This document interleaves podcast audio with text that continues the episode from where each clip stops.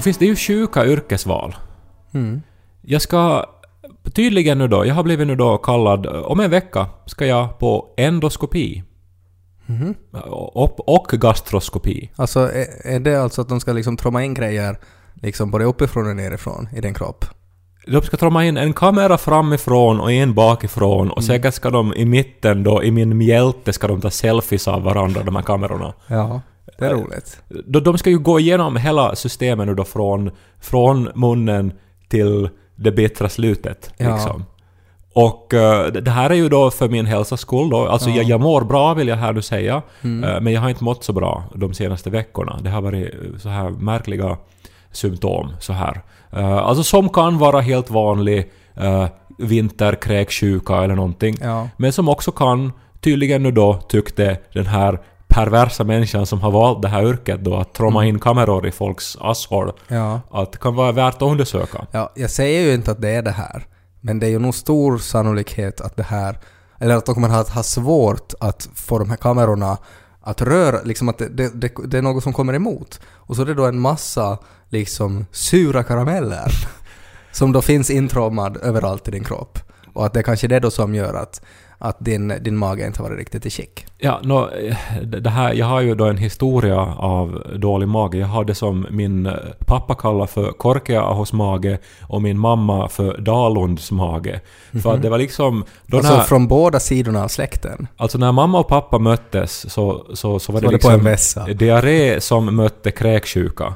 Och så fick de ett love child som Ja. var Kai Korkeaho. Okej. Och eh, alltså det är som så här kroniskt upp och ner, min mage. Och den har varit det så länge jag kan minnas. Mm. Att jag minns att Robert Gustafsson en gång fick frågan i en intervju att vad, vad, vad gör dig lycklig?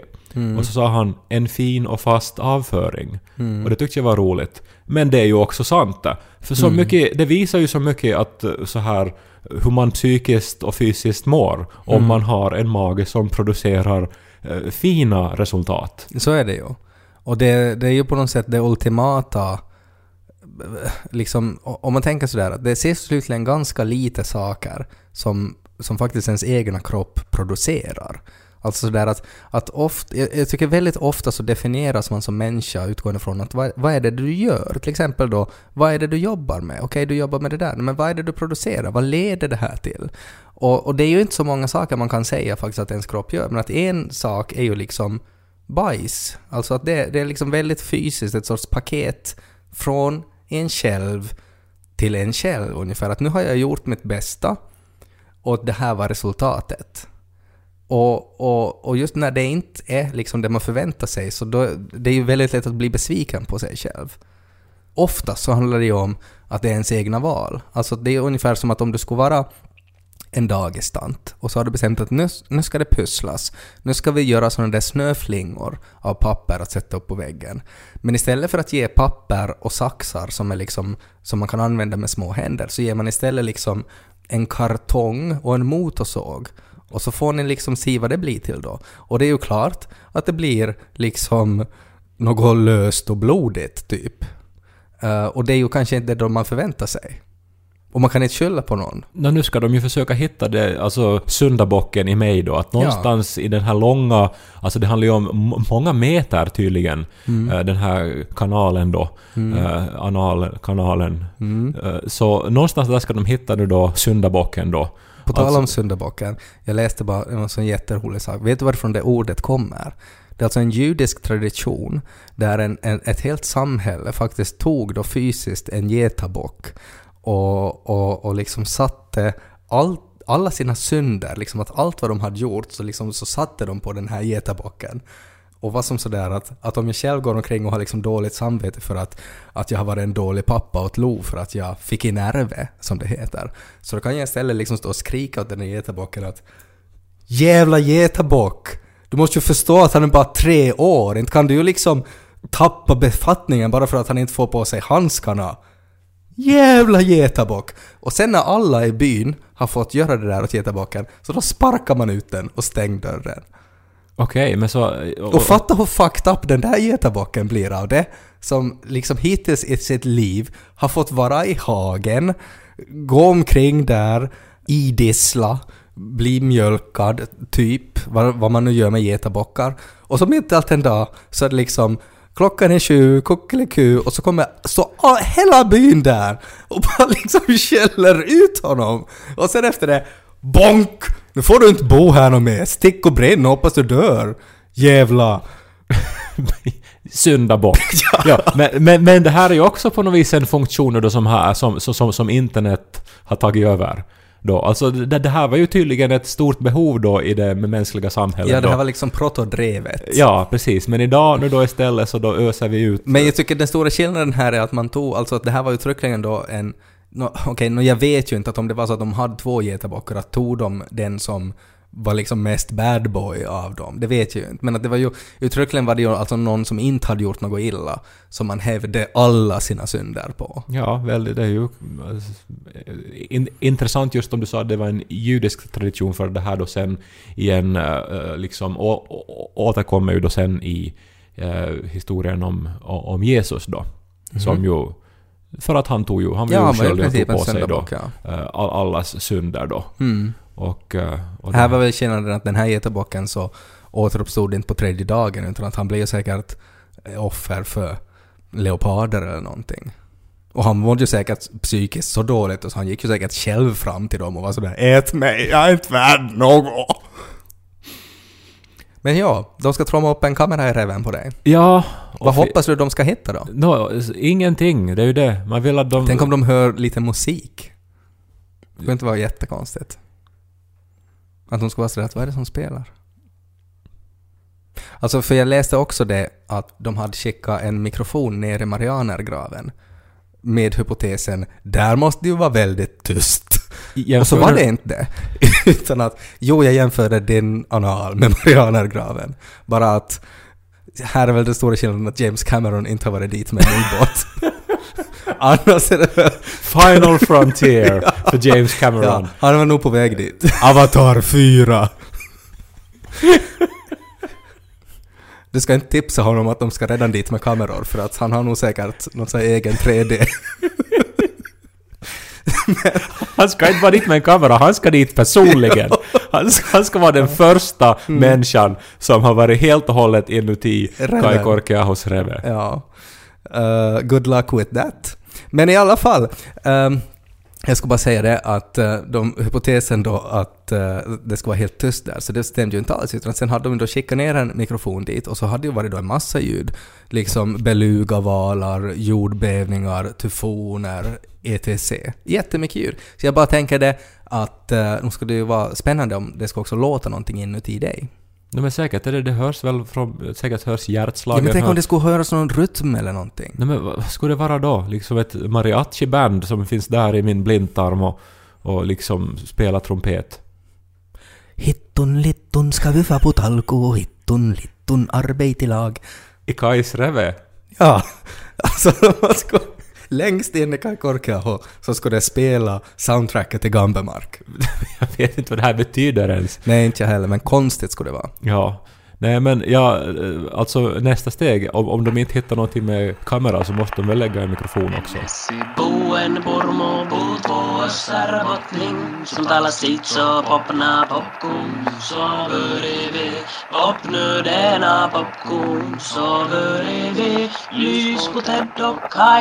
Jag har ju varit på laryngoskopi. Och det är ju att man uh, trommar in en kamera uh, ända ner till uh, stämbanden. Ja men det är ju ingen tröst nu. Nej, det, men... det, det, är ju som att du har varit... Alltså, alltså som att jag ska liksom få en lo lobotomi och nej. du har liksom tagit Burana en gång. Nej, nej men det, det, var inte det jag skulle säga, utan jag skulle säga att det var otroligt obehagligt. Alltså för att jag tror att det är nästan lättare att ha liksom full penetration och faktiskt liksom fara så långt man kommer och, och liksom kanske komma ut andra ändan. För att det där var ju på något sätt så här mittemellan. Att, att det, var, det var faktiskt ganska obehagligt. Vi hade till och med, alltså man fick en, en, ett videoklipp av det också. Vi kan lyssna på hur det låter. Sen korkeammalla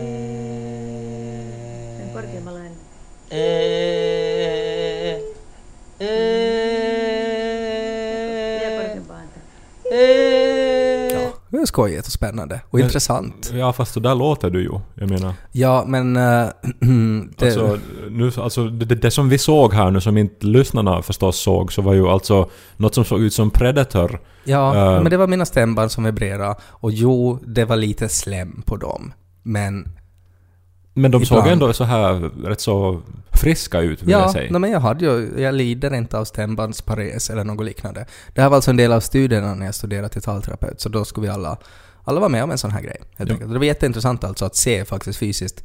Ehm, och, och man hör ju då hur den här eh, läkaren alltså ber mig att, att låta på olika sätt och så såg man ju liksom tydligt hur de ändrar de här stämmorna och det blir spändare och sådär. Ja, just det. Mm. Men Men det alltså, bara, jag skulle bara säga det att det var otroligt obehagligt och äckligt. Och, och det kändes efteråt som att man var liksom helt slut och ville inte ville liksom rygga tillbaka om någon kom nära. ja, no, det här ska ju alltså ske nu då på tisdag morgon. Mm. Alltså strax innan vi brukar banda podd. Mm. Så att jag kommer ju som att komma då till poddinspelningen nästa vecka då.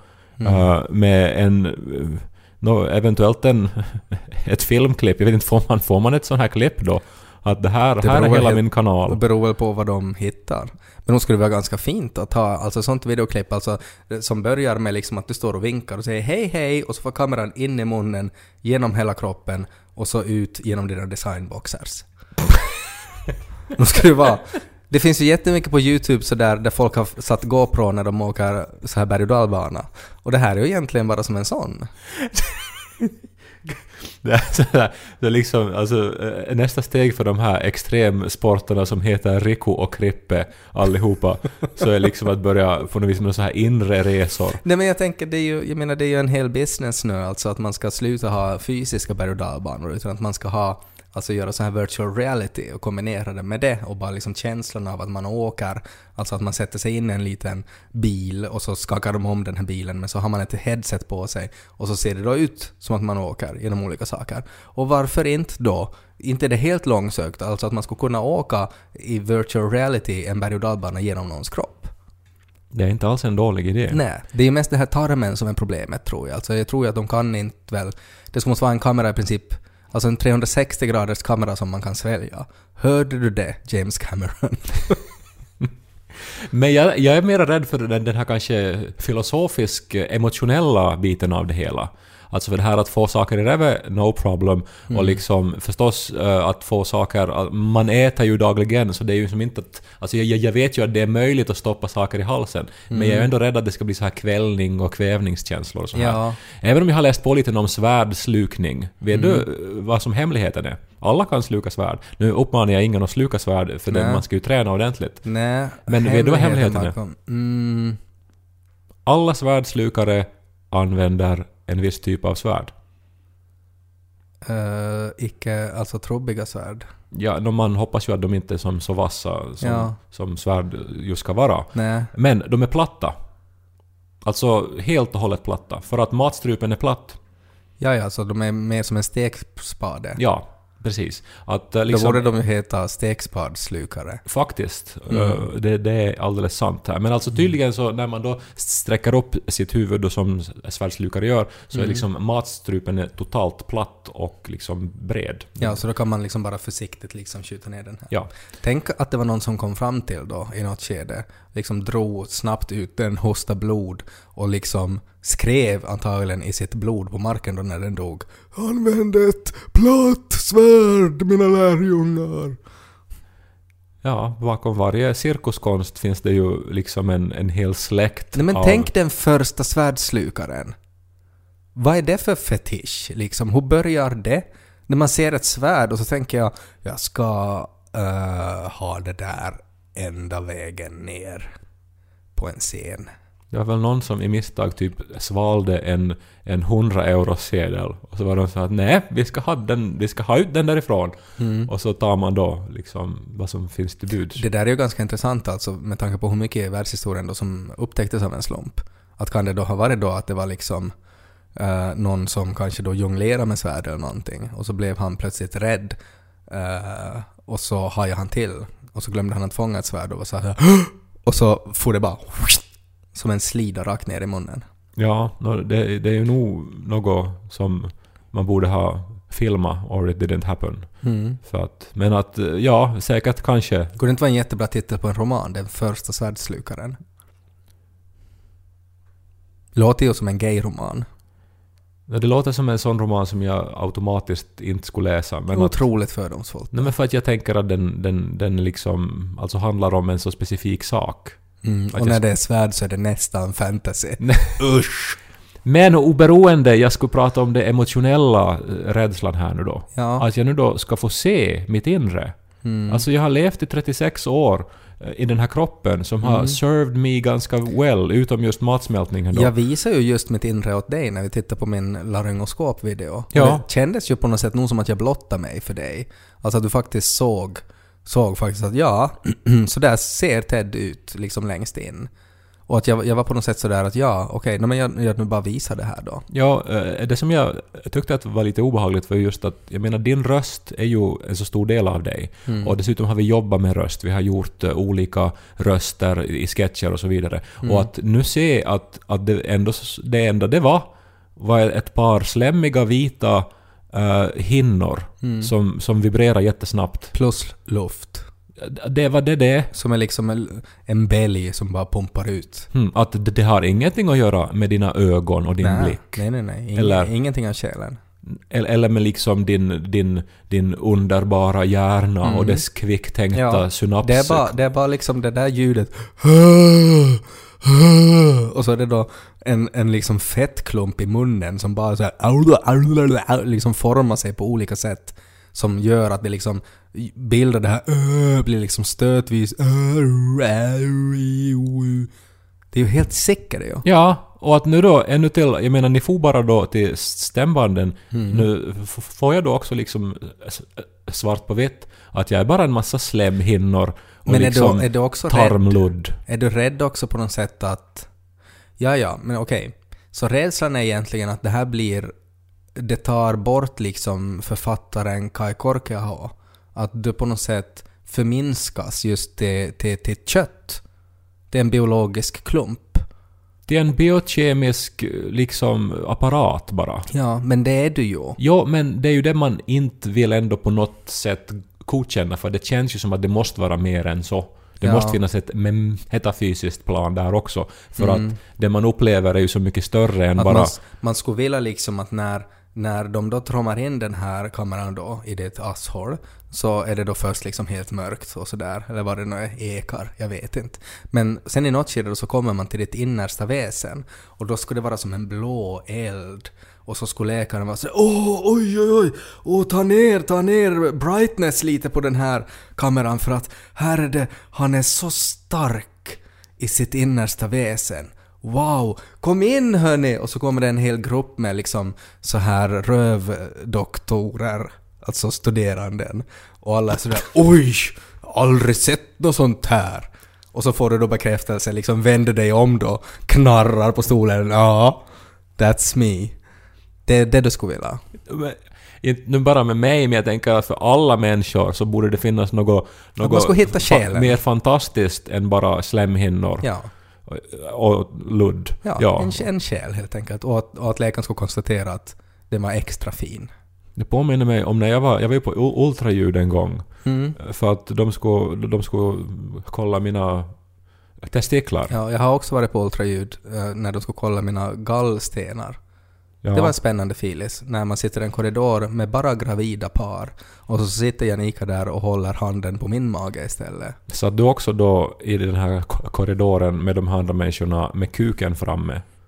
Nej, Mm. det ska man väl nog aldrig göra. Knackade också på och så kom en hel skolklass med medicinalstuderanden in för att titta på hur det Men går till. satt du i väntrummet med kuken fram? Jag satt i ett stort rum jättelänge och väntade på en doktor och så kom det in kanske, alltså det här är helt sant, kanske 30 unga män och kvinnor Mm. för att se på min pung. Ja, men oftast är det nästan så alltså att om man som en relativt ung person genomgår olika saker så har det ju ett, ett medicinskt intresse. För att de flesta åkommor så drabbar ju äldre människor. Därför var det ju också att så fort de opererade bort min galla då för flera år sedan så, så var det ju direkt sådär att jag har liksom något minne av att det var en FBI-agent som var liksom direkt att vi ska fara med den här med helikoptern nu till det White House. Kan du skriva under här? För att de hade aldrig sett en så här fucked up galla på en så här ung man tidigare. Och jag bara "Ugh", skrev jag. För att jag var ju under narkosen. För min del är jag nog övertygad om att det hade ingenting med själva ultraljudet att göra. Det var Nej. nog bara ryktet som hade gått i universitetsstaden Åbo. Ja. Och eh, så ringde läkaren genast jag liksom anmälde mig vid receptionen, så ringde han då till den här gruppen, som ju säkert inte ens var studerande. Det, fanns, det var säkert sådär, inte vet jag, det spreds på jodel eller något. Nu är Kai Korka med ballarna fram här. Kom snabbt. Och de blev inte besvikna. Caere,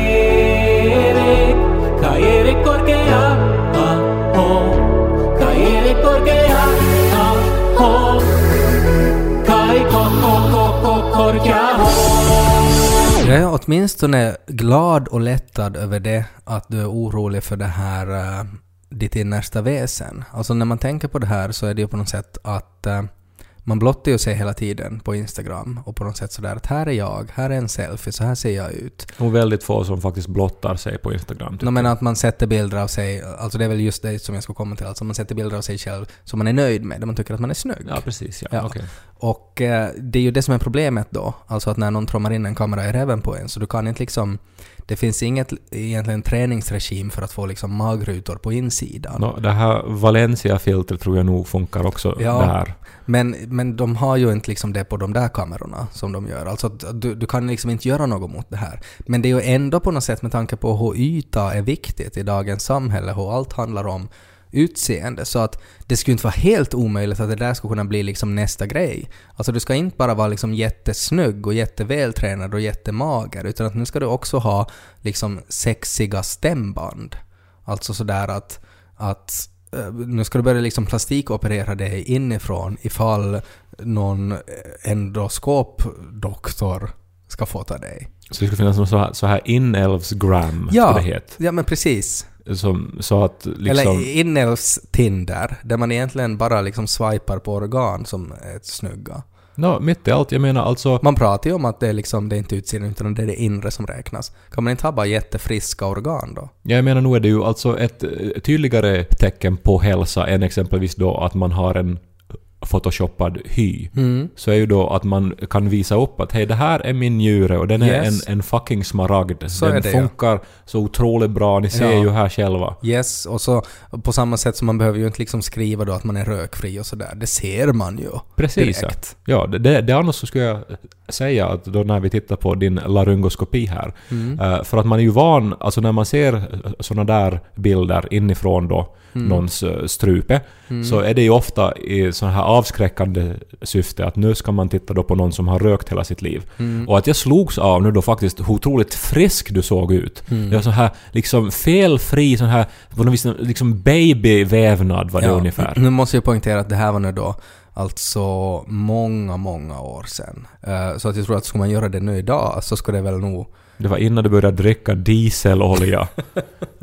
Nej men det skulle vara jätteintressant att göra en laryngoskopi nu och se liksom att vad har bara hänt efter morgonradio och småbarnsföräldraskap och sådär. För att jag är ju helt säker på att någonting har hänt. Ja men det är ju ändå liksom vanligt så att säga bruksslitage. Alltså det är ju en annan sak att dra in kolmonoxid och tjära i sig Ja, dagligen i jag har, ju, tio år. jag har ju inte liksom förgiftat mig. Men att det är nog liksom... Det, det har ju nog varit några kilometrar på dem. Men du är inte orolig för det då, utan att du är mer bara på något sätt sådär, du vill inte bli liksom förminskad till en biologisk varelse, utan att du... Nej, men jag vet inte hur jag kommer att känna för det här. Al- Alltså dels är det ju ett, ett otroligt, eh, alltså på något vis integritetsbrott. Alltså nu är ju det här för, för min egen hälsas skull och jag skriver ju på det här. Jag går ju dit Mm. Ja, frivilligt, jag Ja, till och med betalar ju för det här. Mm. Eh, Men att eh, ändå som på något sätt att alltså in, inte ens Nico har ju varit i liksom min tolvfingertarm. Nej. Eller jag vet inte, någon gång kanske. Men, men det här, inte vi är nu så här, vet liksom att han har nu åtminstone sett vad som Mm. eh, pågår där inne. Men är du inte, alltså jag, jag är ju mest nervös över det att om, om jag skulle utsättas för ett, ett sånt här ingrepp, vilket jag säkert snart kommer att utföra. Jag är ju ändå liksom en man och jag blir hela tiden äldre, så det är klart att jag kommer att utsättas för sånt här. Jag är ju mest bara rädd i det här liksom sociala, alltså att vad man säger och på något sätt och, och jag är ju en sån människa som tenderar att, att, liksom, att om det blir obekvämt, och det blir lätt obekvämt för mig, så, så är det lätt hänt att jag kämtar, alltså att jag säger någonting. Uh, och uh, jag, jag råkade se, nu kommer jag inte ihåg vem det var, men det var någon i Sverige, alltså någon som jobbar på radio i Sverige som hade varit på ett gynekologbesök. Och hon var jättenervös. Uh, och så skulle då gynekologen berätta vad hon, vad hon gjorde, att hon satte glidmedel på fingrarna och så sa hon att nu kommer hon att föra in två fingrar. Mm. Och så sa då den här programledaren att, att jaha, att oftast så brukar man få en drink först. Uh, och, och då blev det ju jätte, jätte dålig stämning och att den här gynekologen hade liksom avbrutit allt och, och liksom blivit otroligt allvarlig och sagt att, att är det det du säger, alltså att du mot alkohol utför sexuella handlingar? Och så var det då att nej, att jag bara skämtade. Men att är du inte liksom rädd att du ska hamna i en sån situation alltså? Och jag, jag tänker ju också alltså där att du brukar ju liksom stamma blod på folk och sånt där. Jag, jag tror jag kommer nog inte att säga så mycket. Jag kommer nog bara att låta den här läkaren göra sitt jobb, tror jag. Inte vet jag, vad, vad kan man säga Men det då? kan ju hända att, de, att han vill att du ska göra saker. Att du ska typ hosta eller prata i falsett, sådär som under min laryngoskopi. Så att han har liksom en kamera in i mitt arsel och så är han så här dansa. Ja. Dansa. Men man- Sjung någonting. Ja, men det, Jodla. Alltså det är väl det där som är på något sätt den där situationen också, att när man är till läkaren så, så säger man ju upp allt, alltså att man sätter allt sitt förtroende i att den här människan vet mera än jag. Så skulle jag vara där med en webcam i reven och läkaren skulle säga dansa, det är klart jag skulle dansa. För jag har ju ingen aning om, alltså tydligen är det så att det måste vara en lambada för att man ser vissa körtlar i reven. Jag menar, inte skulle jag ifrågasätta. Jag skulle bara börja dansa och så skulle jag fråga att vill du ha det sexigare eller ska det vara liksom snabbare? Vad är du ute efter? Så visar det sig att det här är någon sån här YLE-satsning, någon sån här att nu ska liksom Svenskfinlands offentliga personer göra bort sig. Men det är roligt att du ens Hoppa Nicke tänker Aldén fram. Och en sur karamell. och jag så här, Tycker du det känns som att det bränner på något sätt nu? Nicke Aldén tittar emot kameran. Nej men det, det, det är obehagligt bara. Och jag, och jag liksom... Klart det är obehagligt. Ja, och, och dessutom så är det också det är en veckas förberedelser. Från och med idag får jag inte äta någonting som innehåller frön till exempel. Sen har vi ju inte alls pratat om den aspekten också. Tänk om de hittar någon eh, sjukdom. Ja, no, men det försöker jag ju förstås att inte tänka. Det är ju det eh, som ska uteslutas nu då. Mm. Eh, Men att eh, det här... eh, Ja, det är ganska mycket som står på spel här nu då. Och Mm. nästa podd så då... Endera så är jag lurad av Yle Arena, This is Yle Arena. Welcome to Kais ass.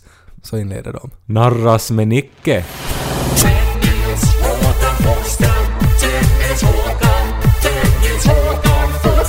Apropå att hitta oväntade saker eh, på trånga mörka utrymmen. Ja. Så läste du att de ju hittade en eh, Caravaggio-målning på vinden i Italien. Nej. Ja, nå, någon som inte har varit tydligen upp på sin vind på 400 år gick upp på vinden och så oj, det här är ju någon sorts tavla där borta. Säkert någon gammal skit som Mommos mommo bara liksom försökte sig på att mål. Hon var ju värdelös på att måla den gamla haggan. Mm. Men så för man det då till ett museum. Så det, ja, det här är alltså vi en... för väl den dit mest som ett skämt. För att spotta på minnet av Mommo. Men så är det då en Caravaggio och den är värd 170 miljoner euro. Mm. Så hör man någon i underjorden och någon fnittrar i kistan. Ja, men det är ju... Det är ju alltså alla älskar ju förstås den här historien. Klaus Härö gjorde ju en film om Nej, men det, är här ju inte en bra, det där är ju inte en bra historia. Det är ju bara en jobbig, dum historia. Nej, men man älskar den här tanken på... Ja, men det, men det, det handlar ju om att det är en, en människa, alltså någon som, alltså antingen en, en, en fittig människa som har varit sådär att jag tänker bara köp det här och sätt det dit. Haha. Eller så just någon åldring som, som har på något sätt eh, inte hunnit med eller att någon har på något sätt blivit dement plötsligt och inte kunnat säga att jag har en Caravaggio på vinden sen. Jag tycker det är bara tra tragedi i, det där. Men den här tanken på att man i sin ego har någonting som man inte har en aning om att det är värt 170 miljoner, det är ju det. Ja, det, är det, det finns ju en massa TV-program som på något sätt bygger på den där. Alltså att man far och visar någonting fult åt en gubbe i kostym och så säger han att det här är värt 170 000 kronor. Jag hittade ju en gång hemma hos mig hittade jag ett sånt här lottokvitto då. Bara, det, det var, jag tror jag hade använt det som, en, som ett bokmärke. Mm. Och, och det var liksom två år gammalt. Mm. Och liksom, inte hade jag någon aning om om jag hade varit och kollat det eller inte. Nej. Och så var jag ju övertygad om, liksom under en längre tid då, att jag var miljardär då. Men att du hade liksom försummat det. Ja, precis. Och, och jag Mm. menar, eh, det var ju också f- för sent att lösa ut det här. Mm. Så att jag var så här att har jag faktiskt nu då alltså varit miljardär och inte vetat om det och så på något vis blew it up into my ass liksom. Och det där tänkte du varje gång du öppnade boken och såg det där bokmärket? Nå, till sist då så hittade jag ju då någon sorts sån här re, re, re, resultattjänst. Det här var alltså innan internet. Ja. Så att jag liksom hittade typ en katalog någonstans. Mm. På nå, jag vet- om det var på en R-kiosk eller någonting. Ja, något soptipp. Ja, nå så att man liksom då eh, kunde kolla lottoresultat för jättelänge sedan då. Mm. Och så, och så hade jag ju inte vunnit då. Nej. Men, men att jag som må, måste få closure på det här. Ja, nej, men jag kan förstå det där. Men det är så hemskt för att vi har ju en massa vindar och grejer i, i Esse. Ja, och, alltså du tänker nu liksom den här fantasin om att hitta en Caravaggio på vinden, att det här är någonting som egentligen skulle kunna hända dig också. Ja, no, men alltså där, vem vet vad där finns liksom? Alltså det är ju det här antikrundan också. Mm. Att man ju, jag menar, inte bara målningar kan ju vara värdefulla. jag det kan tänker ju, alltså du har ju mest pratat om det här din, din, eh, din morfars bokbinderi, hade du nämnt flera gånger i den här podden. Ja. Att finns det inte där kanske det finns eh, eventuellt någon sån här, något gömt? Någon första upplaga av någon sån här världsberömd bok eller någonting. Ja, no, alltså möjligen någonting sånt här. Men att man borde liksom vara expert på så många olika områden så att man inte ska på något vis göra bort sig och gå miste om alla miljonerna. Och det är ju helt omöjligt. Mm. Jag försöker nu tänka att vad kan vi ha för rikedomar i min släkt? Men... eh, Jag såg nu också att en av de här svenska auktionshusen hade en nätauktion med gamla eh, Star Wars-leksaker från, från 80-talet. Alltså såna här som är ännu i sin eh, förpackning och Ja. oöppnade. Och de var alltså, alltså den dyraste då som var en sorts så här actionfigur av Luke Skywalker. Så Mm, det var- det utgångspriset var 100 000 kronor. ja, det var nog inte Luke Skywalker. Det var antagligen då en uh, Evoke med uh, tyg uh, dräkt. Den Ja. tror jag är ganska dyr. Men leksaker, det finns inte liksom riktigt pengar i leksaker. Nå, 100 000 kronor och det är ju Ja, ändå från men det är 80-talet. Vi väldigt- har levt när den här har funnits till salu. Ja men uttryckligen så var vi barn när det här fanns till salu, så det finns ingen chans att man skulle ha haft en sån här i originalförpackning. Jag köper ju alltid då och då leksaker. Om jag är Mhm. så här liksom att okej det här, det här eventuellt... Alltså de pratar, pratar de om riktiga leksaker eller sexleksaker? nu? Vi, jag ko- kommenterar nu endast barnleksaker här Ja. och då. Men att exempelvis eh, om, om Lego gör någon sån här eh, ko- kollektion som är så här att det här är någon specialgrej. Mm. Så det är som att eh, som jag som kan ana att det här är en grej som folk kommer att vilja ha i framtiden. Så Mm. då köper jag kanske tre förpackningar av det. Så du är bara en, en sån här opportunist som sen säljer det där dyrt på auktionssajter. Fast det har inget värde alls för dig. Och du kan kalla det opportunist, du kan Det är ju lika kalla hemskt som folk som köper biljetter till konserter och säljer dem dyrt och sådana som faktiskt tycker om den där musiken. Du kan inte jämföra mig med dem som är ju alltså mänsklighetens avskum som hindrar mig från att se Bob Dylan. Ja men du kan ju hindra någon från att få den där legoklossen. De är inte begränsade upplagor, de finns bara under en viss tid liksom. Men Ja. sen så finns de ju inte då för alltid. Mm. Nu har du mycket sånt där då? Har du liksom... Finns det mycket du kommer att casha in på då? Nej, jag vet inte. Men äh, jag menar om, om inte annat så kan jag väl ge dem till Lo sen då, när han kommer i rätt ålder. Ge honom pengar hellre då. Alltså för det är nog ganska osäkert det där. Och vi har inte så mycket rum. Men alltså pengar på kontot. Det är ju alltid bäst. Men det som jag ju nu tänkt var då att, att jag hoppas ju att de ska hitta, eh, då när de letar riktigt långt in i mig nu då, en Caravaggio. Och nu menar jag inte att de ska hitta en stor tavla från medeltiden, utan att de bara ska hitta någonting perfekt, ett mästerverk. Att, Och din kropp är nog, alltså du är 36, men du, det är nog perfekt skick. Det här var nog en imponerande kropp. Men vet du vad Kai? Det du letar efter, alltså att få bekräftelse att du har någonting värdefullt inuti dig. Och det har du ju redan. Det behöver du inte ha en rövdoktor att säga åt dig. Utan det måste ju kunna bara på något sätt sådär vara bekväm i dig själv att veta att du har ett värde och du har ett betydelsefullt inre. Det måste du inte ha bekräftelse av någon annan. Och det är ju kanske det viktigaste tycker jag. Du ska inte måste få till rövdoktorn bara för att få känna dig vacker inuti jag, jag är lite mållös för, för det här, för du har ju aldrig sagt något sånt här snällt till mig för... Nej, men det är, alltså, den är jättelång redan den här podden och vi måste få något sorts slut på det. Så, så, att, så att twisten här nu då, det som ska bli punchlinen, Ja. är, att, är att du då, Mukamas, sa någonting fint om mig. Ja, men det är ju, jag tycker, är, är det inte ett, ett fint budskap det där? Alltså är det inte det det har handlat om? Att du har varit osäker på ditt inre egentligen och du på något sätt letar dig en bekräftelse. Och nu handlar det om att det skulle vara någon som utför endoskopi eh, på dig. Och att, att du på något sätt väntar vad, vad en sån person skulle ge för, för bedömning av ditt inre. Och det ska man ju, inte ska man ju gå omkring och behöva få bedömningar av andra. Vad är det för sorts narcissism egentligen? Att man som till sist så liksom är man så eh, på något vis eh, avtrubbad med sån här vanlig beröm och kärlek att man Mm. måste börja också få beröm för sin ändtarm och för, för Ja. sin eh, tjo- tjocktarm. Ja, nej, men det är... Jag skulle nog säga att det är ganska vanlig narcissism som alla har ett behov av. Sen blir man ju glad. En komplimang. Snygg tjocktarm. Har du gjort något speciellt? Ja, nu bara ätit vanligt. Blir jätteglad. Jag hoppas att alla ni som lyssnar på den här podden, jag hoppas att ni har jättefina tjocktarmar, tolvfingertarmar, tunntarmar, diverse bihang egentligen. Och även om ni inte har, om ni har opererat bort de här diverse bihangen, så det är helt fine det också. Jag kommer att åka till Vasa i, imorgon. Mhm. Eh, så att eh, om ni vill komma och träffa mig så kommer jag att, att prata på Ritz om, eh, om ett och annat. Ja. Framförallt om böcker och sånt. Men kanske jag nämner det här då också att jag inte får äta frön och att jag är... Att jag är Alltså, Är det uttryckligen att du inte får äta frön? På något sätt som att, frön. att man skulle på något sätt sådär att så fort man går bort där så ska man gå till en talgboll och bara börja hacka i sig. och så är doktorn app, app, app! Inga frön och bara okej, åh. Hur ofta får man och äter frön? Ja, de tror att man är en undulat. Det här är en Svenska Yle-podd.